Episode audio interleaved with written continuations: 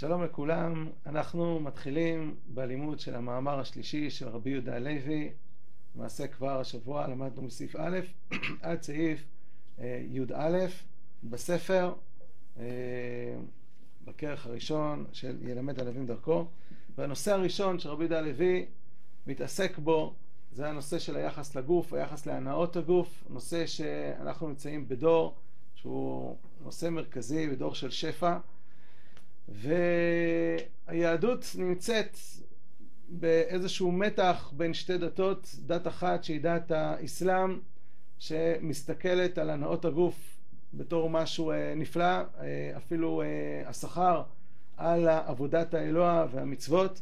ובצד השני יש לנו את הנצרות שמסתכלת על הגוף, על הנאות הגוף בצורה שלילית ורואה בסגפנות איזושהי מעלה גדולה והיהדות נמצאת באיזשהו מקום אה, שצריך בירור באמצע והסוגיה שאנחנו רוצים ללמוד אותה ומתוך כך להגיע גם לשיטת רבי יהודה הלוי בסוגיה הזאת היא סוגיית הנזיר.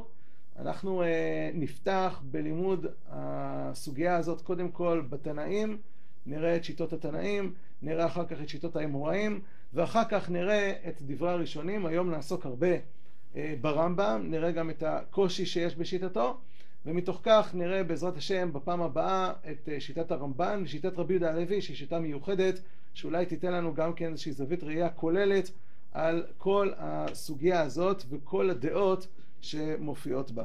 אנחנו פותחים בלימוד הירושלמי במסכת נדרים בדף ב' עמוד א', בדף המקורות זה מקור מספר 1 ושם הירושלמי מביא את שיטת רבי יהודה רבי יהודה אומר, חסידים ראשונים מתאווים להביא קורבן חטאת.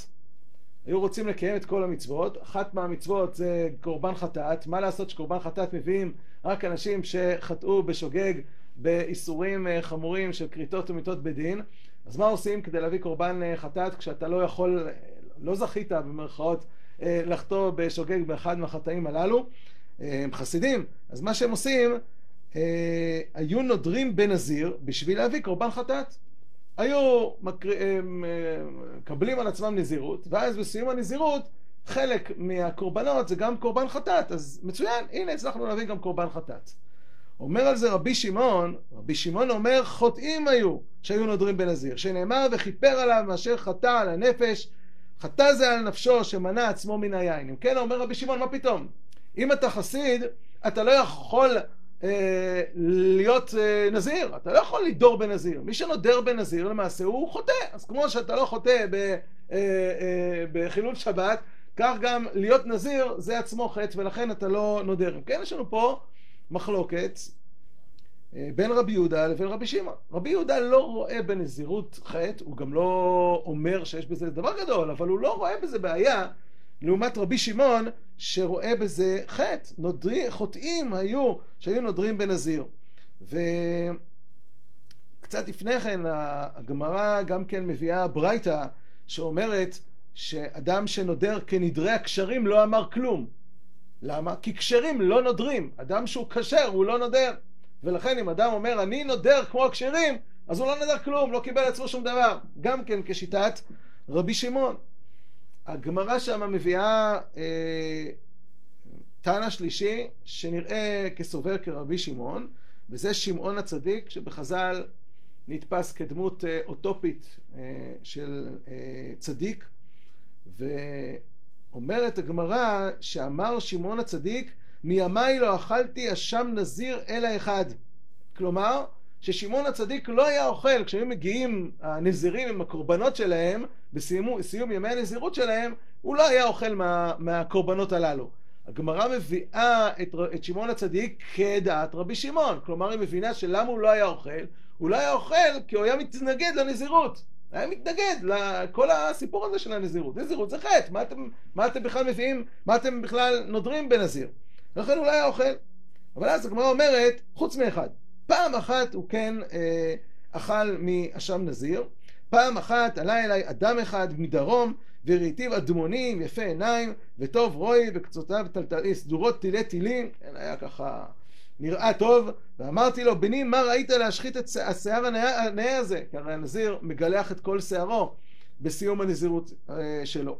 ונם לי, אמר לי, סיפר לי, רבי, רואה הייתי בעירי והלכתי למלות את השאוב מים וראיתי את הבבואה שלי הוא ראה כנראה שהוא יפה מאוד, פחז עליי יצרי, ביקש לאבדני מן העולם, לך ת, תהנה מהיופי שלך עם נשים. אמרתי לו, רשע, ככה אה, אומר, ככה מספר הבחור, שהוא אמר ליצר הרע שלו, רשע, אתה מפרס בדבר שאינו שלך, עליי להקדישך לשמיים. והרכבתים בראשי, אומר שמעון הצדיק, שהוא שמע את הסיפור הזה, אז הוא הרכין את הראש שלו לכבודו, ואמרתי לו, בני כמותך ירבו עושה רצון המקום בישראל. עליך הכתוב אומר, איש או אישה כי הפליא לנדור נדר נזיר להשם.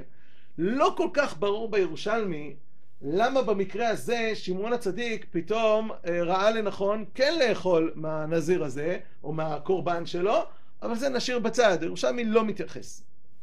הירושלמי בסופו של דבר דוחה את הטענה ששמעון הצדיק הוא כשיטת רבי שמעון, שסובר שנזירות זה חטא, והוא מעלה אפשרות, מי אמר?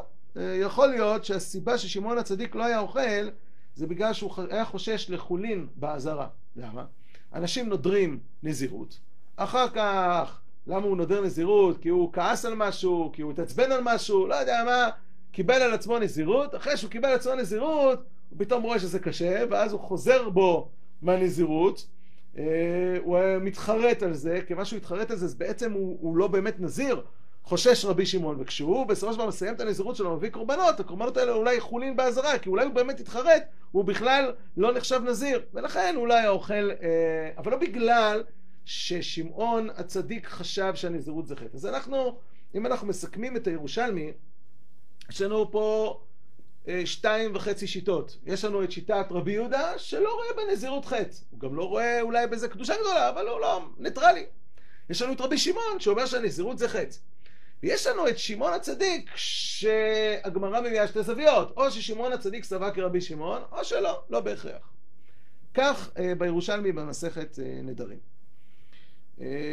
דומה מאוד לשמעון הצדיק בסוף הירושלמי, שבאמת הסיבה ש... אה, הוא לא אכל, זה מסיבות טכניות, הוא לא אכל מקורבן נזיר, יש לנו גם בגמרא בבבלי, נזיר, דף ב' עמוד ב', מקור מספר 2 בדפים, אה, ושם הגמרא אומרת ש...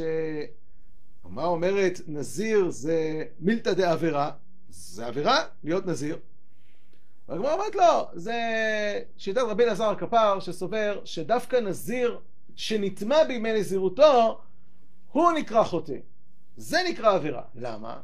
כי הוא נגיד נדר להיות נזיר שנה אחת, באמצע השנה הוא נטמע בטעות, עכשיו הוא צריך להתחיל את הכל מחדש, יצא בעצם שעכשיו שנה וחצי, אין לו כוחות לשנה וחצי, ואז יש חשש שהוא בסופו של דבר ייפול, אז נזיר שבעצם נטמע ומתחיל את הכל מחדש, הוא נקרא חוטא כיוון שיש סיכוי שהוא לא יצליח לעמוד אה, בנזירות אה, שלו, אבל נזיר ששמר על כל ימי הנזירות שלו, הוא לא, אה, לא נקרא חוטא, מאוד דומה לדברי שמעון הצדיק בירושלמי, במסקנה של ירושלמי, שסתם ככה נזיר הוא לא חוטא. נזיר שנדר אה, מתוך כעס, או נזיר שבעצם נפל ועכשיו צריך לחזור מחדש, אנחנו חוששים שהתהליך שלו עכשיו יהיה תהליך קשה יותר, הוא לא יצליח לעמוד בנזירות שלו, אולי אפילו יתחרט על הנזירות, ואז יש עם זה בעיה הלכתית.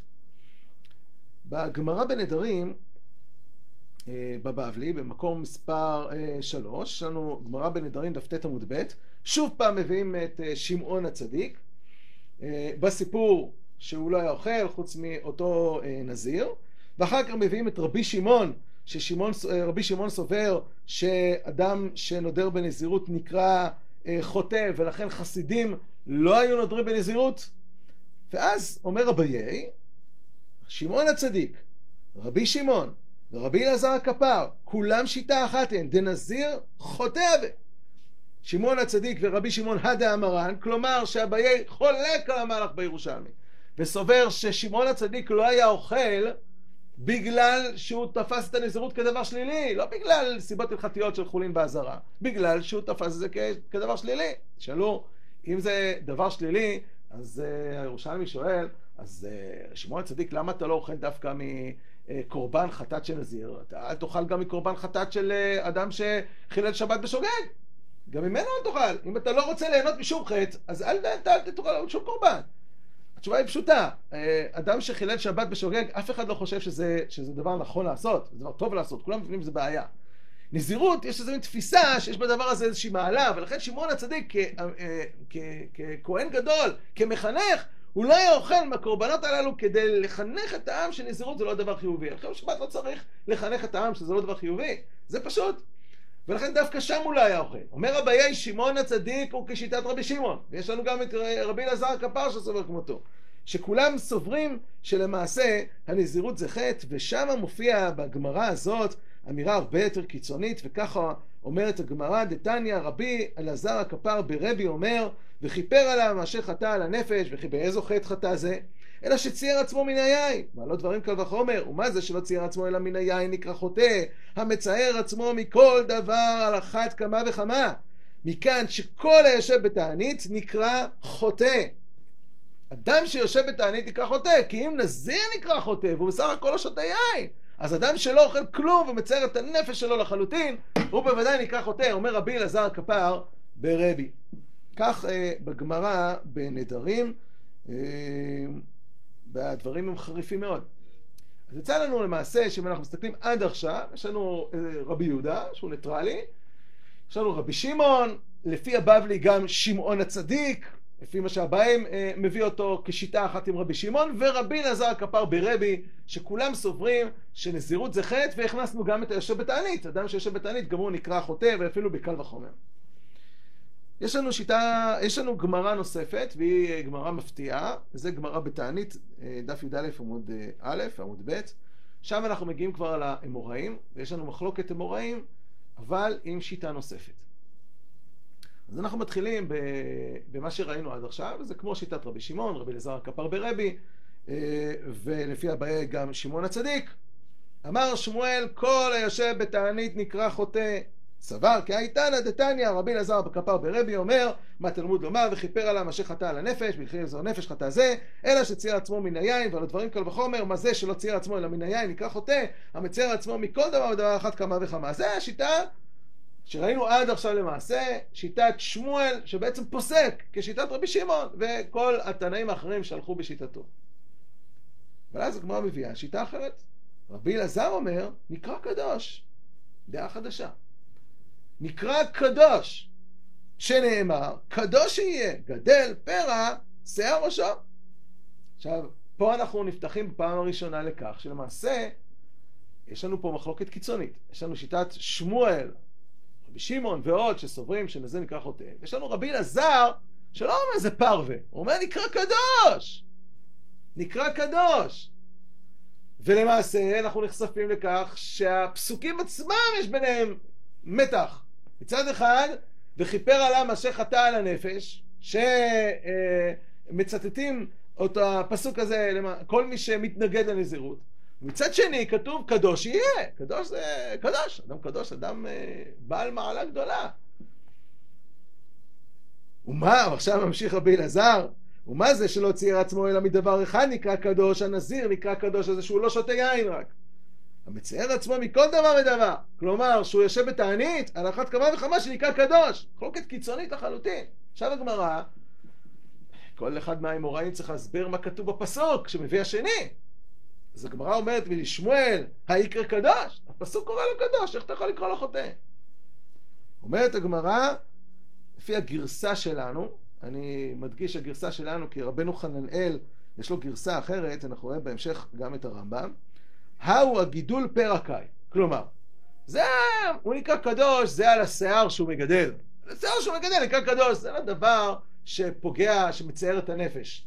אבל על, ה, על השתיית יין, כל וחומר תענית, על זה הוא נקרא חוטא.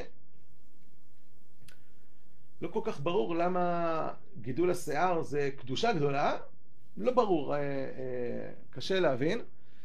כפי שאמרתי, רבנו חננאל יש לו גרסה אחרת, ורבנו חננאל אה, גורס משום דמדכא נפשי מטומאה, כלומר שהוא פורש או מתרחק מן הטומאה. בהמשך ננסה להבין על מה מתכוון, מה מתכוון רבנו חננאל, אבל נשאיר את זה כרגע בצד.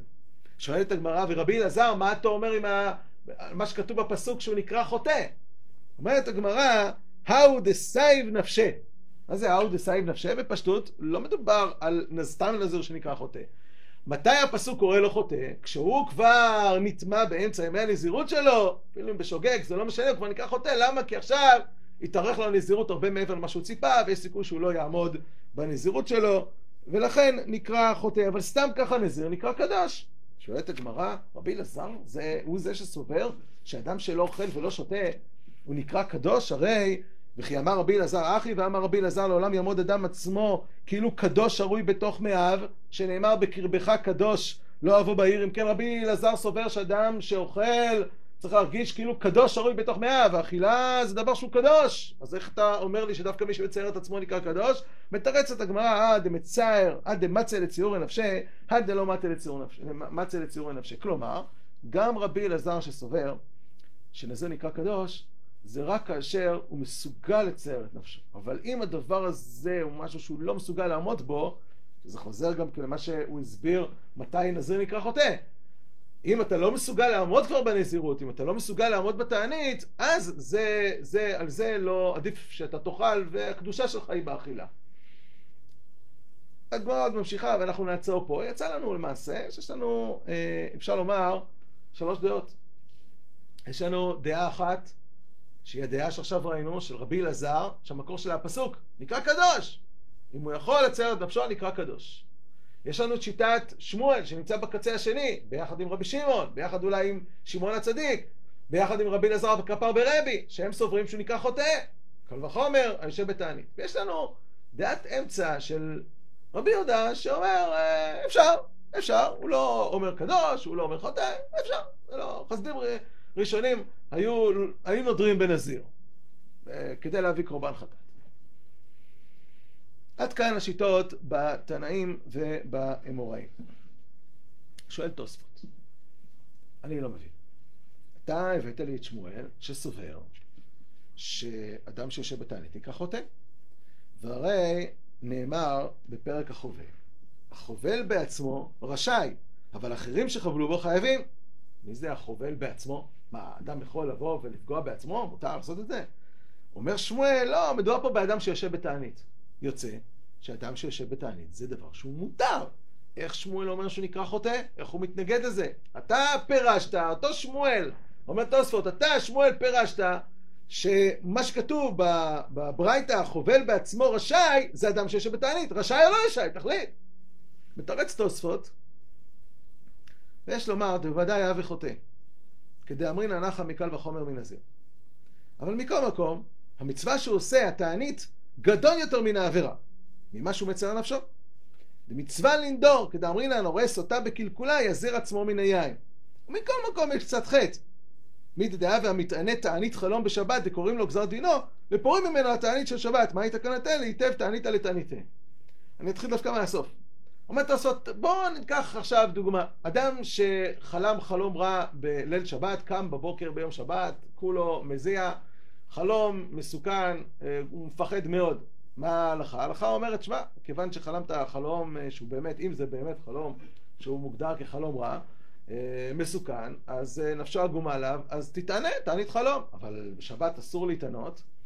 וכן, אבל הסיכון שהוא בעצם עכשיו יש עליו גזר דין מלמעלה, גזר דין של מיתה, והוא יכול לפתור את עצמו מן המיטה הזאת על ידי תענית, אז הוא עושה איסור, הוא מתענה בשבת, אבל האיסור הזה שווה. למה? כי ה... הוא בא להציל את עצמו מדבר הרבה יותר חמור, יש עליו גזר דין של מיטה. אז אומרים לו, תשב בתענית. אז הוא הלך אל הרב, הרב אמר לו, תשב בתענית. מוצא שבת הרב קורא לו, ואז הרב אומר לו, אה, ישבת בתענית? הוא אומר לו, כן, הרב אמר לי. בסדר, עכשיו ביום ראשון, תשב בתענית עוד פעם על זה שישבת בשבת בתענית. סליחה? אני עשיתי משהו לא בסדר? כן, אסור להתענות בשבת. אז למה נתת לי להתענות? כי היית במצב חמור יותר. ניתן משל שני, אה, אדם שהוא חולה, והוא לוקח אנטיביוטיקה. אז הרופא אמר לו, תיקח אנטיביוטיקה. טוב, הוא לוקח אנטיביוטיקה, אחרי שהוא לוקח אנטיביוטיקה, אומר לו הרופא, אה, לקחת אנטיביוטיקה? אומר לו, כן, עכשיו אתה צריך לקחת כל מיני חומרים כדי שיתקנו את הגוף שלך, מה שעשה לך אנטיביוטיקה. אז לקחת אנטיביוטיקה היה טוב או לא היה טוב? למצב שלך צריך לקחת אנטיביוטיקה, אם לא תיקח אנטיביוטיקה אתה תמות. אבל צריך לדעת שהאנטיביוטיקה היא לא טובה והיא גורמת נזקים ולכן אחרי זה צריך גם לטפל בנזקים הללו. אומר תוספות אותו דבר שיטת שמואל. האמת שנזירות זה חטא. אבל לפעמים אם אתה לא תשתמש בזה התוצאה תהיה הרבה יותר קשה. אדם שראה סוטה בקלקולה, הוא נמצא באיזשהו תהליך של הידרדרות אישיותית, הדבר הנכון זה שהוא ישתמש עכשיו בתענית, למרות שתענית זה דבר שלילי. אחרי זה תתקן גם את, ה... את החטא הזה. תביא קורבן אחר כך, קורבן נזיר. אבל האמת, שלמצב שלך תשתמש בזה. למדנו מתוספות יסוד חשוב, שלפעמים יש דברים שהם שליליים, אבל הם שליליים פחות ממצב אה, של האדם שהוא עכשיו כרגע במצב חמור יותר, ולכן לפעמים אנחנו אומרים לו תשתמש בדבר הזה, אחר כך תתקן את אה, מה שעשית. יש, אה, אה, טוב, אז זה, זה, זה, אלה הם דברי התוספות בשיטת שמואל. יצא לנו בשיטת שמואל אמירה מורכבת. מצד אחד הנזירות זה חטא. לפעמים צריך להשתמש בחטא הזה, כשאדם, אם הוא לא ישתמש, הוא יגיע למצב קיצוני, בעייתי, הרבה יותר אה, אה, גדול. עד כאן ראינו את הסוגיות, ומכאן אנחנו ניכנס עכשיו לדברי הרמב"ם. הרמב"ם בהלכות אה, דעות, בפרק ג', מפורסם מאוד, פוסק את שמואל בצורה מפורשת, הוא ממש מצטט את שמואל ואת רבי אלעזר הכפר ברבי, וכך כותב הרמב"ם במקור מספר 6 פה בדפים שלנו, שמא יאמר אדם, הואיל והקנאה והתאווה והכבוד וכיוצא בהם דרך רעין ומוציאין את האדם מן העולם, אפרוש מהם ביותר, ואתרחק לצד האחרון שלא יאכל בשר ולא ישתה יין ולא יישא אישה ולא יושב בדירנה ולא ילבש מלבושנה, אלא השק והצמר הקשה וכיוצא בהם, כגון הנג עובדי כוכבים. גם זה דרך רעה היא, ואסור לילך בה, והמהלך בדרך זו נקרא חוטא. שהרי הוא אומר בנזיר וכיפר עליו אשר חטא על הנפש. אמרו חכמים, ומה אם נזיר לא פירש אלא מן היין, צריך כפרה, מונה עצמו מכל דבר ודבר אחת כמה וכמה, לפיכך ציוו חכמים שלא ימנע אדם עצמו, אלא מדברים שמנעתו התורה בלבד. ולא יאסר עצמו בנדרים ושבועות על דברים המותרים. וכולי. הרמב"ם ממשיך uh, בדבר הזה. הרמב"ם מפורש פוסק את שיטת שמואל, למעשה uh, שיטת שמואל, שיטת רבי שמעון, שיטת, uh, לפי אביי בבבלי, שיטת שמעון הצדיק, פוסק את שמואל בצורה מפורשת לחלוטין. כלומר, לכאורה שיטת רבי אלעזר נדחית. היחס אל נזיר הוא יחס של חוטא. האם הרמב"ם פוסק גם את החילוק שעשה תוספות? בתוך שיטת שמואל, שלפעמים משתמשים בנזירות. במפורש כן. וכך כותב הרמב"ם בפירוש המשנה אה, בשמונה פרקים, הקדמה לאבות, בפרק ד', מתחיל מזה שהפעולות אשר הן טובות הן בפעולות הממוצעות. אנחנו מכירים את שיטת הרמב"ם שהדרך האמצע היא הדרך הנכונה, הקצנה לאחת הצדדים אה, היא, היא דבר שלילי, ולכן גם בסוגיית הפרישות מול הנהנתנות דרך האמצע היא הדרך הנכונה, אז תישא אישה, תחיה איתה חיים מאוזנים וכולי וכולי. אה, אומר הרמב"ם, מפני שהאדם בטבעו, בתחילת בריאתו, אינו לא בעל מעלה ולא בעל חיסרון, הוא לא באמת מאוזן. הרי הוא נולד עם נפש מסוימת, והוא גם גדל בחברה מסוימת, ואוטומטית אה, אה, נוצרים מצבים שהוא כבר מגיע למצב שהוא יצא לחלוטין מהאיזון התורתי, אומר הרמב"ם, ויהיה האיש הזה כבר חלתה נפשו. צריך שינהגו ברפואתו כדרך רפואת הגופות בשווה. כמו שאם אדם בגוף שלו יוצא משוויו, צריך להקצין אותו לצד השני.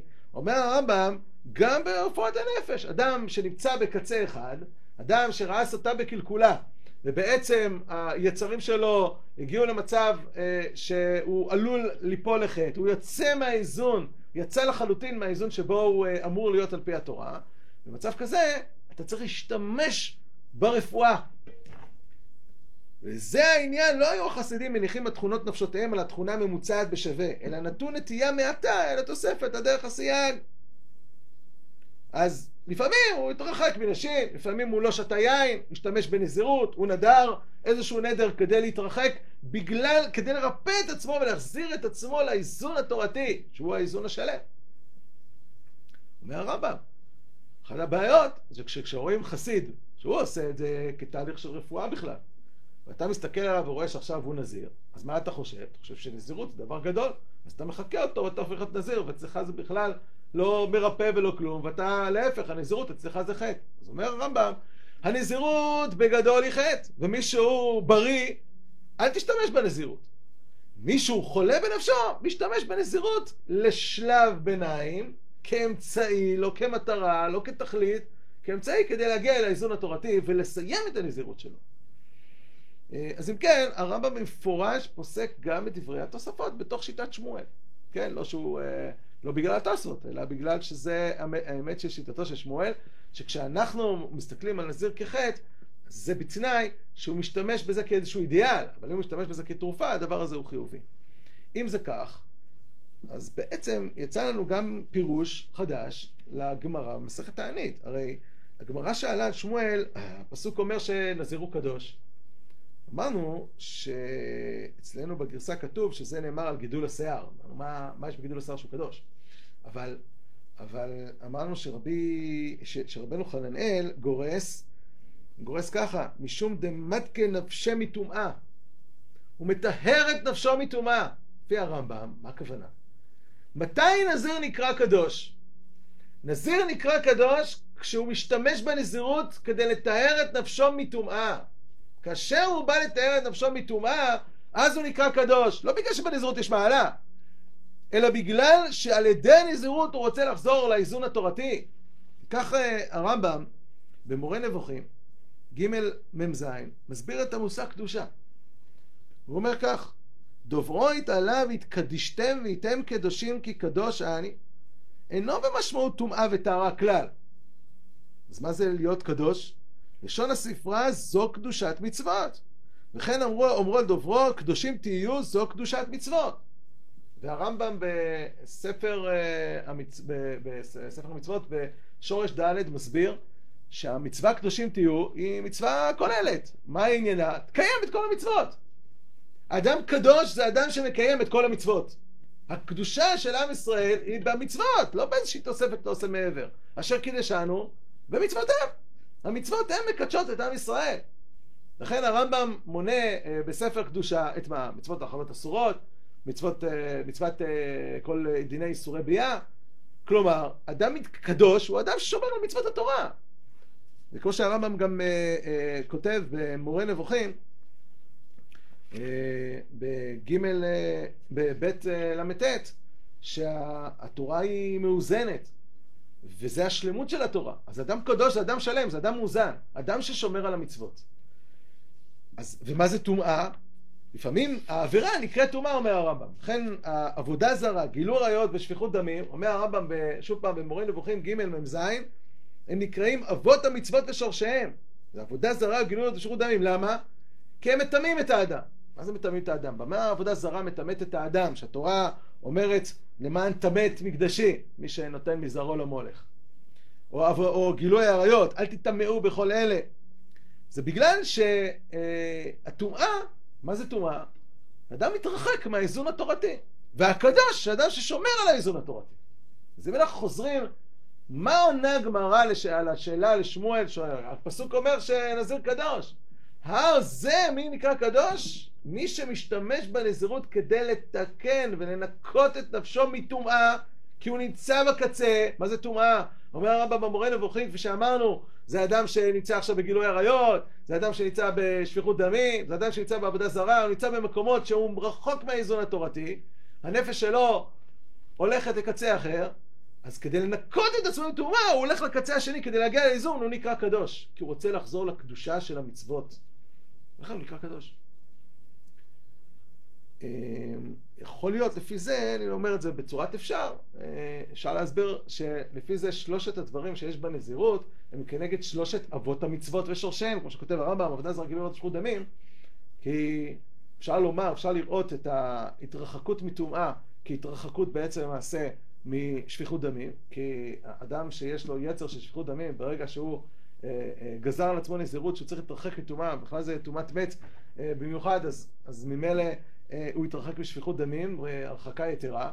אה, כנגד גילוי עריות זה היין, ויכול להיות שכנגד אה, העניין של עבודה זרה זה גידול השיער, כי אנחנו יודעים שהכמרים היו גלחים ומתגלחים, ולכן העניין של גידול השיער הוא איזושהי התרחקות מהעבודה זרה. אז יכול להיות שכל שלושת הדברים של הנזיר זה סוג של התרחקויות מאחד מהדברים הללו שהם אבות המצוות ושורשיהן שאדם הוקצן לכיוון מסוים וחוזר, רוצה לחזור לאיזון שלו.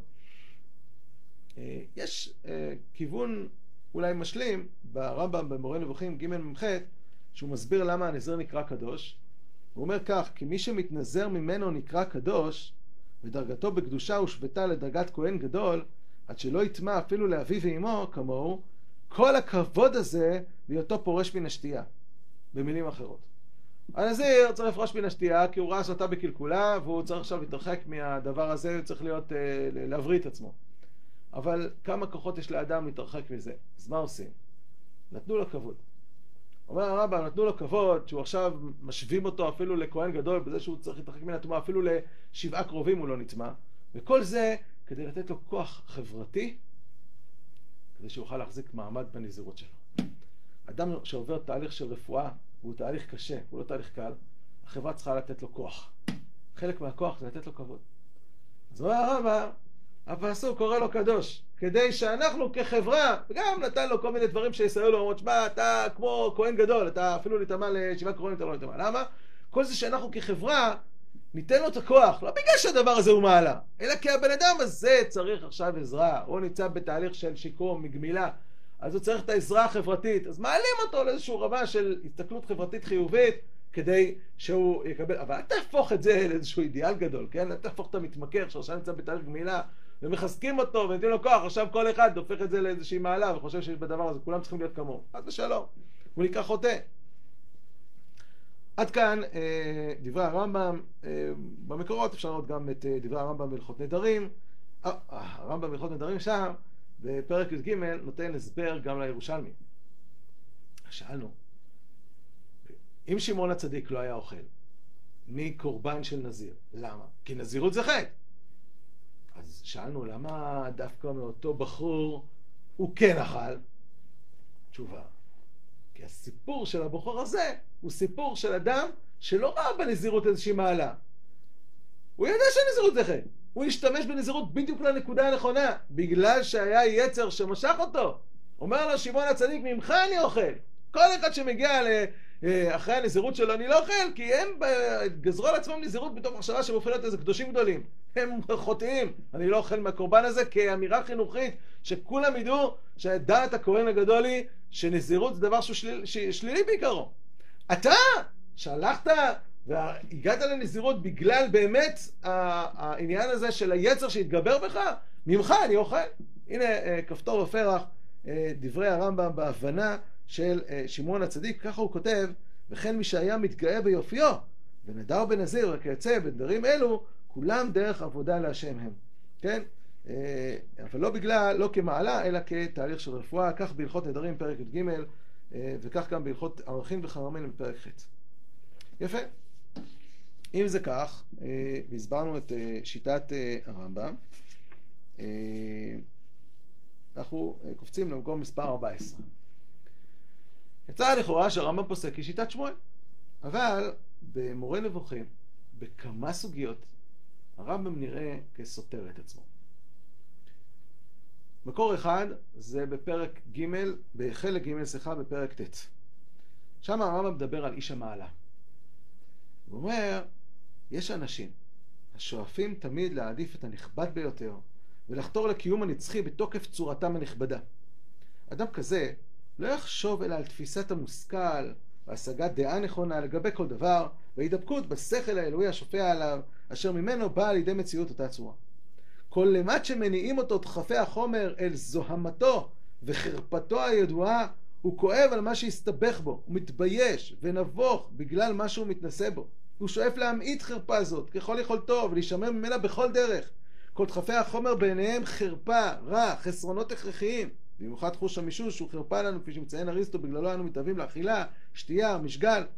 כי ראוי למעט בזאת ככל שאפשר, לעשותו בהסתר, להצטער על עשייתו, להימנע מלדבר על כך ולא להרחיב דברים עליו ולא להתקבץ לשם עשיית דברים האלה. מהרמב"ם פה משמע שאיש המעלה זה לא האיש המאוזן, שחי חיים מאוזנים עם אישה שאוכל ושותה בצורה מאוזנת. אומר הרמב"ם לא, האכילה והשתייה והמשגל, כל הדברים הללו הם דחפי החומר שהאיש המעלה היה שמח להיפטר מהם לחלוטין. הוא מנסה להצטמצם ולהתרחק מהם עד כמה שאפשר. מה לעשות שההכרח לפעמים מביאו אל מה? אל הדברים הללו שהוא קורא להם זוהמה, חרפה, רע, חיסרון. אז הוא אומר, תשמע, הוא מצטער, הוא מתבייש. אנחנו לא רואים פה ברמב"ם את האיזון התורתי. להפך, אנחנו רואים איזשהי רצון להתרחקות, התרחקות מאוד גדולה מכל העיסוק החומרי. זה מקור אחד. מקור שני, בג' נ"א, הרמב"ם מדבר על ההשגחה, והוא מדבר על העניין של ההתמדה של המחשבה של האדם בבורא והעיסוק כל הזמן באל. ואז כותב הרמב"ם סביב הנקודה הזאת, האדם שהשגתו שלמה, ששכלו ממשיך להיות עם האל תמיד, תהיה השגחה עליו תמיד. אדם שכל הזמן עסוק באל, ההשגחה של הקדוש ברוך הוא עליו תמיד. לא נעסוק עכשיו בכל סוגיית ההשגחה, שהיא סוגיה בפני עצמה ברמב"ם, אבל אה, ככה כותב הרמב"ם פרק נ"א, כשאתה נמצא דבק באלוה, אז גם ההשגחה דבקה בך. אך האדם שהשגתו שלמה, שבמשך זמן מה התרוקנה מחשבתו מהאל, השגחה עליו תהיה רק בשעה שהוא חושב על האל, ותסור ממנו בשעה שהוא עסוק בעסקיו. לכן נראה לי שכל מי מבין הנביאים, או המעולים, השלמים, שבאמת הגיעו לשלמות בדעת, פגע בהם רעה מרעות העולם הזה, מתי זה היה? לא פגע באותה רעה אלא בשעת הסחת הדעת ההיא. ולפי אורך, מידת אורך הסחת הדעת, או שפלות הדבר שהוא יתעסק, יהיה גודל הצרה. אותו נביא הוא נביא, אבל עכשיו הוא עסק באכילה, הוא עסק בשתייה, הוא עסק בענייני החומר. בזמן העיסוק בענייני החומר, אומר הרמב"ם, השגחה מתרחקת ממנו. למה? כי זה לא הולך ביחד. והרמב"ם גם בג' ח', בפרק ח', בחלק ג', הוא כותב שם, החומר הוא חציצה גדולה המונעת את השגת הנבדל כפי שהוא. אומר הרמב"ם, עצם העיסוק בחומר מרחיקה את האדם מהעיסוק באלוקות, זה שני דברים מצרניים, אי אפשר לזה עם זה. ממילא גם השגחה אה, נעלמת או מתמעטת ממנו, אומר הרמב"ם, זו הסיבה לצדיק ורע לו. ראית צדיק, ראית רע לו, זה בגלל שבאותו רגע הוא היה עסוק בחומר. כך כותב הרמב"ם. אה, נקודה נוספת, כותב הרמב"ם בפרקי הנבואה, במאמר, בחלק ב' במורה נבוכים, בפרק מ', אומר הרמב"ם, אתה רוצה לראות מי הוא נביא אמת, מי הוא נביא שקר? תן לך כלי איך לבחון את הנביא.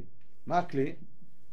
עליך לדעת אם הטוען לתורה הזאת הוא השלם שקיבל אותה בהתגלות, או שזה אדם שהתיימר וייחס דברים אלה לעצמו, גנב אותם מאחרים. הדרך לבחון זאת היא להתבונן בשלמותו של האיש ההוא ולעקוב אחר מעשיו. להסתכל בדרך חייו. הסימן המובהק ביותר הוא שהוא מרחיק עצמו את, מעצמו את ההנאות הגופניות ובז להם. הרמב"ם לא מדבר על האיזון. הנביא זה האדם המאוזן, האדם שנמצא בדיוק באמצע בכל ענייני החומר. הוא לא אומר את זה. הוא אומר אדם שפורש בענייני החומר, אדם שהוא בז להם. כי זאת הדרגה הראשונה של החכמים, כל שכן הנביאים. ראית נביא, מישהו שהוא טוען שהוא נביא, והוא עסוק בענייני החומר, לא יכול להיות שהוא נביא. איפה האיזון התורתי של הרמב"ם? איפה הנזיר שהוא אה, חוטא? איפה דברי הרמב"ם בשמונה פרקים שאומר הקדוש ברוך הוא לא שונא את הגוף? ככה הוא כותב על החס... אותם חסידים שחשבו שהם חסידים, שהלכו והתרחקו מענייני החומר, אומר הקדוש ברוך הוא לא שונא את הגוף. מה יש לכם? מה אתם נאבקים בגוף? הרמב"ם פה נאבק בגוף. מקור אחרון, כותב הרמב"ם במורה נבוכים ג' ל"ג, כותב כך: הטהרה והקדושה אף הן ממטרות התורה. מה זה הטהרה והקדושה? אומר הרמב"ם, כלומר, נטישת המשגל, הימנעות ממנו או המתה בככל שאפשר. אנחנו ראינו ברמב"ם שהאדם השלם זה האדם המאוזן, לשם מכוונת התורה. האיזון התורתי, הקדוש זה אדם ששומר על המצוות. איסורי ביאה. הוא נשמר ממה שאסור, ומה שמותר מותר. אומר הרמב"ם פה, לא. הטהרה והקדושה שהם ממטרות התורה, זה לנטוש את המשגל. להימנע ממנו או להעמיד בו ככל שאפשר, כמו שאבהיר, מפני שהוא התעלה ציווה לקדש את האומה בקבלת התורה, וקידשתם היום ומחר, מה המשמעות של בקידשתם? אומר הרמב"ם, אל תקשו אישה. הרי שאמר מפורשות שהקדושה היא נטישת המשגל. כן אמר במפורש, עכשיו מוסיף הרמב"ם ביחס לנזיר, כן אמר במפורש שההימנעות משתיית יין היא קדושה. באומרו על הנזיר קדוש יהיה. הרמב"ם פה מצטט את רבי אלעזר. בניגוד לשמואל. שיטת רבי אלעזר שמי שמתרחק מהשתיית היין, פה הוא לא מדבר על ריפוי, הוא לא מדבר על אנשים חולים, הוא מדבר על מטרות התורה, שאדם צריך להימנע ולהתרחק. ומי שמתרחק הוא נקרא קדוש. אז אנחנו בעצם, כשקוראים את הרמב"ם, לא מבינים. כמו מי פסק הרמב"ם? הרמב"ם בשמונה פרקים, הרמב"ם ביד החזקה, נראה שהוא פוסק, מה זה נראה? הוא מצטט את שמואל. מצד שני, וגם בבורר ראינו כמה מקורות שמשמע מהם כשמואל. לעומת זאת, בהרבה מקורות במורה נבוכים, בסוגיות שונות, סוגיית ההשגחה, סוגיית הנבואה, סוגיית מטרות התורה, כן, טעמי המצוות, היחס אל החומר, מיהו האיש המעלה, בכל הסוגיות הללו אנחנו רואים שהרמב"ם רואה בהתרחקות מהעולם החומרי, בהתרחקות מהאכילה, משתייה, ממשגל, הוא רואה בזה לכאורה מעלה, והוא קורא לנזיר קדוש, לא המתרפא, החוטא המתרפא, קדוש שמי שמתרחק מכל העניינים הללו. אז בואו נסכם מה היה לנו עד עתה. אנחנו ראינו שיש לנו בפסוקים איזושהי סתירה. מצד אחד, מאשר חטא על הנפש, מצד שני קדוש יהיה. ראינו מחלוקת תנאים, ראינו מחלוקת אמוראים, שמואל ורבי אלעזר, מחלוקת קיצונית, הרבה יותר קיצונית אפילו ממה שיש לנו בתנאים. ראינו שהרמב"ם פוסק את שמואל עם שתי אמירות, אחד שנזיר נקרא חוטא, ולפעמים צריך להשתמש בחטא הזה, כשאדם צריך לעבור תהליך של ריפוי. וראינו שהרמב"ם קורא לאיזון התורתי, לאדם ששומר על האיזון, הוא קורא לזה קדושה, אשר קידשנו במצוותיו. מצד שני, ראינו בסוף שהרמב"ם במקומות שונים סותר את עצמו, ולמעשה מביא איזושהי נטייה לצד של שיטת רבי אלעזר. מה שמעורר אותנו כרגע למחשבה, שהסוגיה הזאת היא טיפה יותר מורכבת, ואנחנו צריכים עוד טיפה להעמיק בה. אז בשיעור הבא אנחנו נעסוק בשתי נקודות.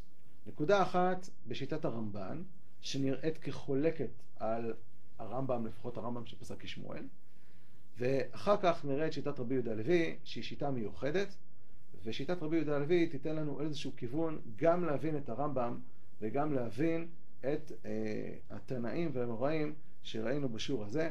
אז אנחנו ניפגש בשיעור הבא לסוגיה הזאת ונשלים אותה בעזרת השם. יום טוב.